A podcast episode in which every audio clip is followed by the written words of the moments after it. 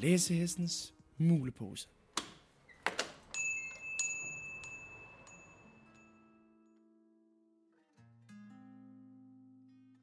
Velkommen til dette første afsnit, det man vil kalde Jomfru-rejsen, på denne nye programserie, som vi har valgt at døbe Læsehestens Mulepose. I denne programserie vil vi, mig og Andreas Skærlov, du lytter til nu, og min rigtig gode ven Esben Hove, med hjælp fra passionerede litteraturelskere forsøge at undersøge, hvad det egentlig er, som litteraturen gør ved os. Og hvilket bedre sted at møde litteraturen end på et godt antikvariat? Der er ikke det, man ikke kan opstøve af udgåede og sjældne bøger. Eller måske finder man bare sin næste fantastiske læseoplevelse, som kan erhverves for blot en slik. Desværre er der dog også visse problemstillinger ved et antikvariat. For hvad stiller man op med al den litteratur, som er svær at sælge og som ender med at stå støvet tilbage på hylden? Meget fantastisk litteratur ender desværre i papirmøllen, fordi der ikke er et hjem at finde til bøgerne. Det er blandt andet noget af det, vi skal snakke om i dag, hvor vi har inviteret professor emeritus fra Københavns Universitet, Hans Hertel, med på Skandinaviens største antikvariat, Vangsgaards Antikvariat, i hjertet af København. Hans Hertel udgav i fjor bogen Bogmennesker, som er en personlig kærlighedserklæring til bogen og læsningens mange glæder.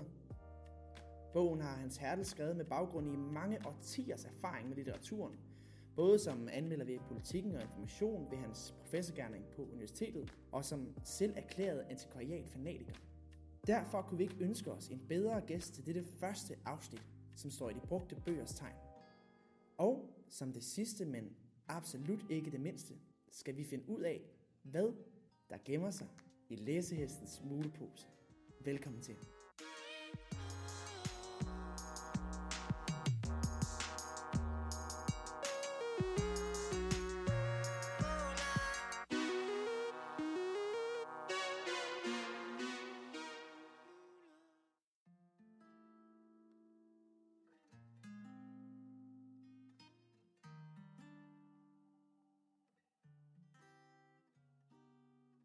Haft med bøger at gøre i ja, over 60 år.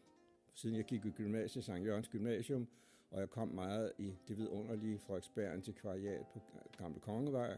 Og jeg lærte fra, at jeg var 14-15 år at finde rundt i mørket dernede på de der mærkelige stoppede hylder og de store bunker, og øh, begyndte langsomt at bygge det op, jeg skulle bruge som, til, til bogsamling, til, til min interesse, men også til mit fag. Jeg vidste meget tidligt, at jeg ville studere litteratur og ville skrive, så det faldt naturligt at komme hen hos den meget stridbare øh, Nørballe, det hed chefen og ejeren af Frederiksberg Antikvariat. Han skældte nogle af sine kunder ud, aldrig mig. Men øh, jeg lærte at finde rundt der, og jeg vil sige, der blev grundlagt en vældig kærlighed, ikke bare til bøger, men også til antikvariater. Frederiksberg Antikvariat findes desværre ikke den dag i dag, og sådan er der mange antikvariater, der gennem tiderne har måttet lade livet, og mange af de stadig eksisterende kæmper med finansielle udfordringer. Ikke mindst rammerne for dagens afsnit, Bangsgaards Antikvariat på Fjolstad, som har måttet tage nye midler i brug for at sikre økonomisk overlevelse.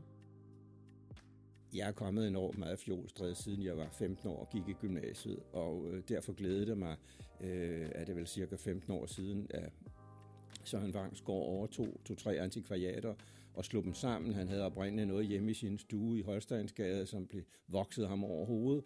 Og så købte han dette her antikvariat og slog det sammen med forskellige andre, og det er efterhånden blevet Nordens største. Og jeg har den største beundring for, at de kan få det til at løbe rundt. De gik jo for lidt på et tidspunkt, men fik det op at stå igen øh, med en stor behjertet indsats, også ved at sætte deres bøger ned til det halve. Der viste sig, at der lå jo et kæmpe publikum og ventede, når bøgerne blev lidt billigere. Men det betyder også, at det er meget, meget vigtigt, at sådan et stort antikvariat med et kæmpe sortiment findes her midt i København. Og når bøgerne de halveres i pris, og antikvariaterne heldigvis overlever, så er der større sandsynlighed for fantastiske og ofte spændende fund. Sådanne to eksempler har Hans.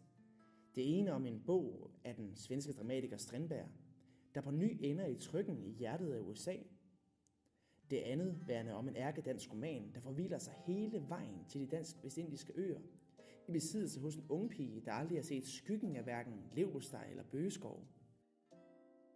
På torvet i Stor Hedinge fandt jeg for 15 år siden en utrolig interessant Strindberg-udgave, øh, som var trygt i Minneapolis i Minnesota, men på svensk, fordi der var store øh, kolonier af danske amerikanere, svenske amerikanere, norske amerikanere, og det her var kommet på et, norsk, øh, et svensk, øh, nor, svensk-amerikansk forlag øh, i Minneapolis, øh, og det var altså Strindberg, hans Giftas historier, to år efter de var kommet i Sverige, var de altså kommet på svensk på et amerikansk forlag. Og øh, denne bog havde så cirkuleret rundt, kunne man se, i, i Midtvesten. Forskellige mennesker har skrevet deres navne, træk ind i det, og så var den endt i, på vestkysten hos nogle danskere, der så havde taget den med over Atlanterhavet tilbage til, til Stor Hedinge, hvor, de, hvor den var så var fra et dødsbo var dumpet ind i en bogkasse på torvet. Jeg vil sige en bibliofil sjældenhed, virkelig en bibliofil sjældenhed, som kostede 5 kroner. Øh, og det er jo ikke fordi, det er en bibliofil sjældenhed, som er mange penge værd, det interesserer mig, men det er bogens liv, altså bogens fantastiske skæbne, at først har Strindberg siddet og skrevet det i Sverige, øh, nej, i Schweiz faktisk, så er hans manuskript kommet til Stockholm, blevet trygt, så er det derfra blevet eksporteret, bogen i trygt form, tværs over Atlanterhavet, og blevet sat på ny af svensktalende amerikanske typografer, som så har lavet den her meget antiremistiske udgave, som der bagefter er vandret tilbage over Atlanterhavet. Og jeg har haft en lignende oplevelse med en bog, jeg sidder her foran mig med. Øh, det er Paul Martin Møllers efterladte skrifter, øh, anden udgaven fra 1848. Han var død i 1838, og han var en meget populær forfatter. Det var ham, der har skrevet en dansk students eventyr og mange andre gode ting. Og mange af de ting blev til under hans Kina-rejse. Han var i 1819-21 skibslæge på Asiatisk Kompanis øh, et af deres store Kinaskibe, som sejlede te og andre ting hjem fra Kina. Så han tog hele Kina-rejsen syd om Afrika og øh, via Filippinerne og, og øh, Java til Canton og tilbage igen. Og en masse af de ting, han har skrevet, er faktisk skrevet på denne Kina-rejse.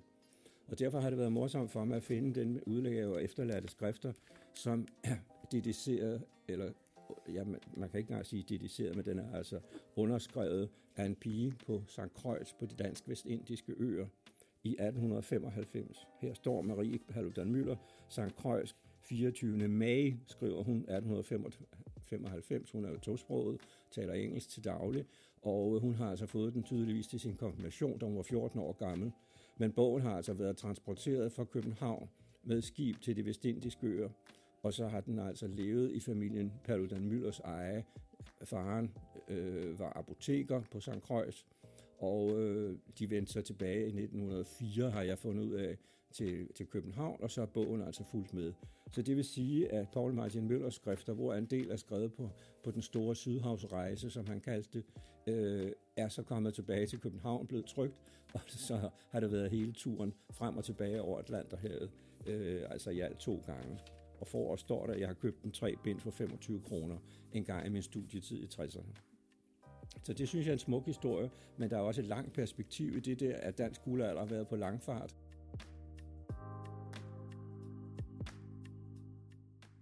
Men historier som disse, hvor helt unikke bøger dukker op for deres skjul og på ny for liv, er desværre sjældne. Alt for mange potentielt fantastiske fund ender aldrig i nye påskyndende hænder. I stedet må antikvariaterne smide dem i papirmøllen til makulation, og disse bøger ender deres dage som genbrugsværdien af deres papir. H.C. Andersen formulerede det således. Mange god og sjælden bog ender ikke som læsning, men som nødvendighedsartikel. Tit går i bøtte, hvad der ikke skulle gå i bøtte. Og når nogen begynder at, ligesom at udslette dele af fortiden, fordi de synes, den ikke er rentabel eller interessant, øh, det er jo så fantastisk modbestemt, hvad det er i fortiden. Øh, så må man sige, så er det meget vigtigt for os andre at holde igen, sådan så tingene ikke ryger ud. Jeg har netop skilt mig af med cirka 20 reolmeter dansk skønlitteratur fra det 20. århundrede, og helt, altså fra år 1900 til 2015. Og det er meget interessant at se, hvad antikvariaterne går udenom, fordi de siger, at det her kan ikke sælges, det kan ikke sælges, det kan ikke sælges. Ting, som jeg synes er utrolig interessant og værdifulde forfatterskaber, som der også har været forsket og skrevet om, de ryger pludselig ud på grund af nogle modebevægelser. Og der må man sige, at det er meget, meget vigtigt for os andre at holde igen, sådan så tingene ikke forsvinder, at fortiden forsvinder. Øh, fordi der er en masse værdifulde ting, som ellers vil gå op i den blå luft. Øh, det må vi være sammen om Og øh, der synes jeg, når vi sidder her i Vangsgårds Antikvariat, jeg er fuld af imponade, som Claus Rysbjerg sagde, over at de holder det her kørende, og at de har den respekt for de gode bøger. Øh, selvfølgelig er de også nødt til at tænke kommercielt, det skal kunne løbe rundt, og derfor er de også nogle af dem, der smider ud og sender ting i papirmøllen, og det sker med hjertet. Øh, og heldigvis er der noget, der hedder Kirkens Kors her, som samler op ting, der ikke er rentable, som de sender på deres forskellige markeder, hvor de bliver solgt for 5 og 10 og 30 kroner. Og det viser sig jo, at der absolut er købere til dem. Så sådan er vi alle sammen med til at holde den litterære fortid øh, levende og likvid. Og det handler selvfølgelig også om, at der er skjulte værdier i de her ting, som ikke må forsvinde. Min pointe er, at bøger er fantastisk billige i Danmark generelt. Nye bøger, men især antikvariske bøger. Så det bedste, man kan gøre, det er sådan set at købe løs af dem. Og så får man problemer med at komme af med dem senere hen, fordi de måske er faldet i, i værdi. Og jeg tror, man skal gøre sig klart, at utrolig mange, mange, mange ting ender i papirmøllen. Og det er altså de meget, meget brutale vilkår. Og hvis man skal gå imod det, så må man sige, at det er meget vigtigt, at bibliotekerne ikke smider så meget ud men at de faktisk holder på den litterære arv. Men det er jo også vigtigt, at vi andre køber og bruger bøger.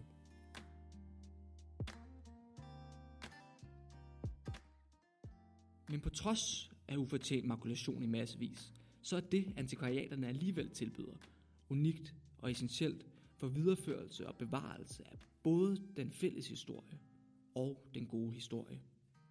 Så næste gang du slendrer igennem Københavns gader forbi et af de mange gamle antikvariater med vindueskarmen proppet med nedslidte paperbacks, så intet lys slipper ind, eller blot besøger din gamle lokale bogpusher i hjembyen, så stik lige næsen indenfor.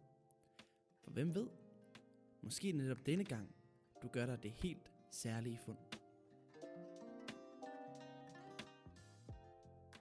Men hvad har læsehesten i sin mulepose?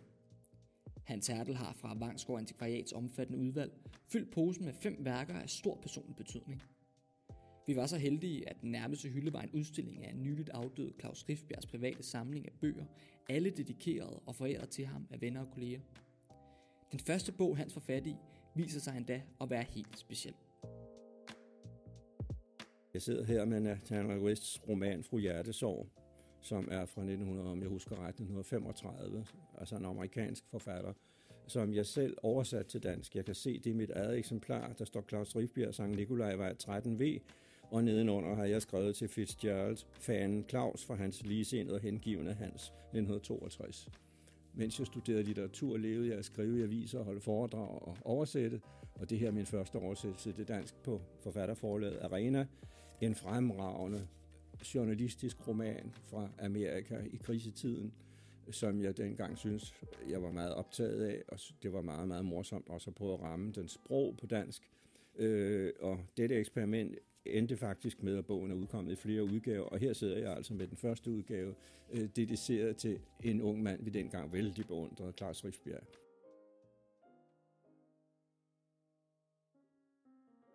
Når han sad i sin fars kirke som dreng, havde han opdaget, at noget rørte sig i ham, når han råbte Jesu navn. Noget hemmeligt med en uhyre magt. Han havde leget med det, men havde aldrig givet lov til at blive levende. Men nu vidste han, hvad det var. Hysteri. En orm hvis skæld af små spejle, hvor i den døde verden antager et skin af liv. Og hvor død er verden ikke. En verden af dørhåndtag. Han spekulerede på, om hysteri virkelig var for grov en pris at betale for at bringe den til live.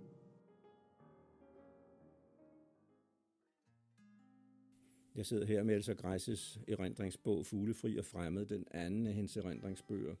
Hun øh, slog igennem som erindringsforfatter i, jeg tror det var 1966, med mine mange hjem, og så fulgte hun det op med endnu to bind, og her står også en dedikation til Claus Rifbjerg. Lidt sort fortid, en grå nutid. Nu må vi se og selv sætte farver på. Øh, en fremragende erindringsbog om mellemkrigstiden, og hvordan det var ved at vokse op som gymnasiast på Ordrup Gymnasium, og tage på udflugter om på cykel rundt i Europa om sommeren for at se på det Europa, der var ved at tage form på den mest ubehagelige måde, for meget af det handler om, hvad hun og hendes bror oplevede i Nazi-Tyskland. øh, hvor de på tidspunkter var i meget, meget øh, altså, øh, tætte, hvad skal vi sige, ikke oprør eller demonstrationer, men tværtimod, altså øh, hyldes til, til kendegivelse over for regimet, hvor folk hejlede, og hvor de her, hun beskriver meget smukt, hvor svært det er at stå blandt hejlende mennesker og ikke hejle, og uden at blive lynchet af dem. Men hun var jo altså dansker og syntes ikke, hun behøvede at hejle for Hitler, og hun brød sig mildest tal heller ikke om Hitler, og hun gik jo øh, ind i besættelsestiden, gik hun også ind i modstandsbevægelsen har været en meget modig og interessant person, som jeg har kendt personligt og sat stor pris på, og også tit lagde arm med, fordi vi kunne være uenige om mange forskellige ting. Men Fuglefri og Fremmed, disse erindringsbilleder fra 30'erne, det er en af hendes allerbedste bøger.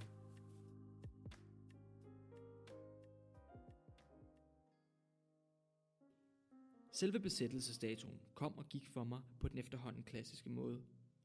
Vækket ved de sorte fugle, der fløj med motorstøj i den meget tidlige forårsmorgen.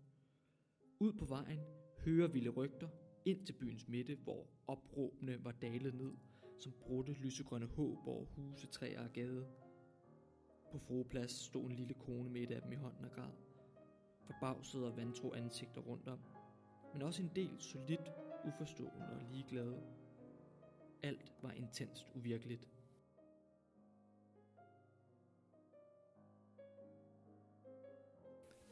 Palle Koks bogstrøget øh, er her dediceret til Claus Rifbjerg, som kalder ham, eller Palle kalder Rifbjerg sin åndelige far.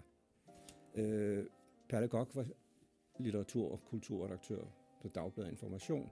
Jeg var selv skribent på Information i 22 år fra 1966 til 88, og har derfor ikke været samtidig med Claus Rifbjerg, men han var ansat på Information nogle få år før. Men han havde det samme forhold til Palle Kok, vores kulturredaktør, som vi andre havde, at vi elskede ham højt. Det var en fantastisk, alsidig dannet og meget vidig mand, som havde været ude at rejse på de syv verdenshave og kunne fortælle de mest utrolige ting, men også havde en fabelagtig nysgerrighed over for alle kunstarterne. Og han lavede på et lille bitte budget, redigeret fra informationsredaktions mindste lokale, nogle fremragende litteratur- og kultursider hver eneste dag altså alle ugens seks hverdage. Jeg kan godt forstå, at Claus Rifbjerg har beundret ham højt. Det gjorde vi andre også. Det var et vidunderligt menneske, som var så vital og morsom. Også vittig, meget skøn at samarbejde med i det daglige. Så øh, det vækker dejlige minder at se den her bog, hvor Palle Koch, en rigtig københavner, har øh, gået op og ned og strøget og skrevet en bog om det strøget, der jo for længst er passé, fordi øh, det er blevet så voldsomt kommercialiseret. Men øh, strøget fra Kongens Nytorv til Rådhuspladsen var jo øh, helt tilbage i 70'erne og 80'erne et meget, meget vitalt sted med mange forskellige former for butikker og restauranter, øh, som ikke eksisterer længere. Det er dejligt at se den her bog, hvor alt det findes endnu.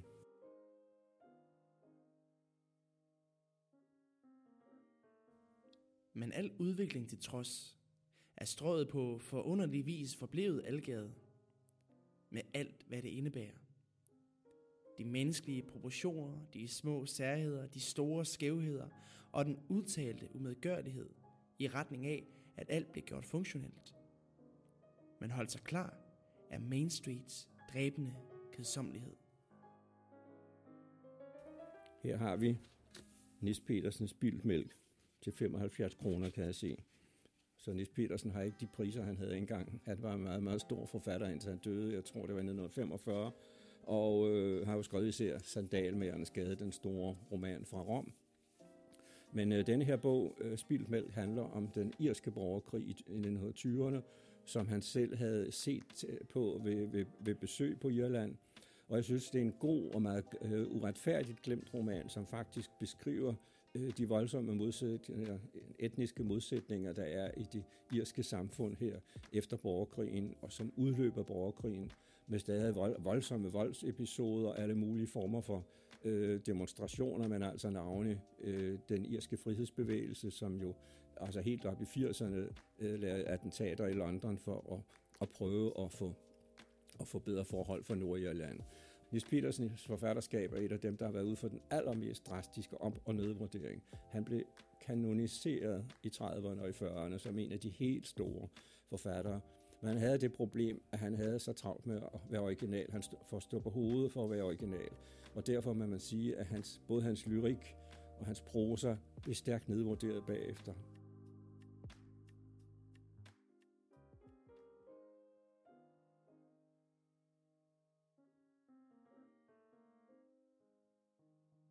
Gråblå og hvide, nogle med mørke hætter på hovedet, nogle uden, går mågerne fra havet op mod floden til byen, hvor deres tunge læmer lyser mod skyerne tæt ovenover husstagene, og hvor den vinende lyd fra deres vingers slag blander sig med deres skrig og trænger ned til menneskene, som færdes ind under tagkammernes nødtøftige roder. Indimellem sidder de store, tunge kroppe, ubevægelige på reglingen af både og pramme i floden, eller de blander sig med de sorte skyer og kraver ind over det ubehagelige areal vest for byen, hvorfra renovationsvæsens evige flammer fortæller om deres tilstedeværelse med ubeslutsomme rygsøjler. Jeg sidder her med Heinrich von Kleist samlede fortællinger med efterskrift af Ville Sørensen. Øh, det er jo en af de store tyske romantikere, som spillede en rolle, blev hurtigt oversat til dansk øh, ja, gamle Johan Ludvig Heibergs novelleudvalg i 1830'erne havde ham med, og han havde ham med på den store novelle, som også er med her, som hedder Michael Kohlhaas. Øh, det er den første øh, historie, som handler om hævn, og den handler om retfærdighed og en mand, som er udsat for en retfærdighed. Hans hest bliver taget af en herremand, og han arbejder så på at få den der brøde gjort godt, godt igen og få det godt gjort. Og han går så langt ud over enhver rimelighed for at få sin retfærdighed, og han får den aldrig. Og han ender med at blive dødsdømt og henrettet, fordi der kommer alle mulige konflikter undervejs. Det er bare en af de mageløse fortællinger, der står her. Og øh, senere i bindet, der er desværre ikke noget register og noget indholdsfortegnelse. Men senere i bindet er der en vidunderlig historie, der hedder Marquise von O, som øh, engang har været filmatiseret af Erik Romer, og som jeg synes er en fabelagtig smuk historie, som foregår under Napoleonskrigene. Øh, Heinrich von Kleist er en meget, meget stor fortæller, fantastisk novelleforfatter. Han var også dramatiker, men jeg sætter ham højst som novelleforfatter, og jeg synes, han har evnen til at forme en historie med en begyndelse, en slutning og en, og en midt og en slutning, sådan som han bliver fuldkommen bjergtaget. Hævet ind i fortællingens tryllekreds, for at sige det med en kliché, men altså fortryllet på den måde, at man ikke har lyst til at lægge det fra sig. En virkelig klassisk fortæller. En fortæller, klassisk fortæller situation. Nogen fortæller en historie for nogen, og man sidder og lytter eller læser fuldstændig som, man, som da man var barn.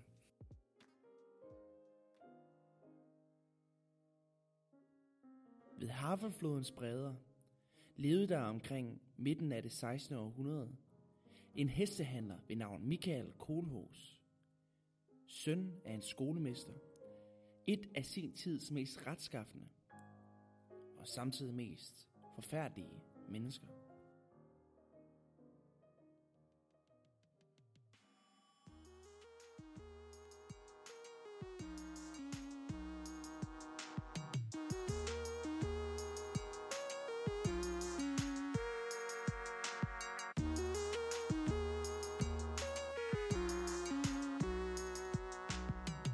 Du har netop lyttet til det allerførste afsnit af Læsehæstens Mulepose.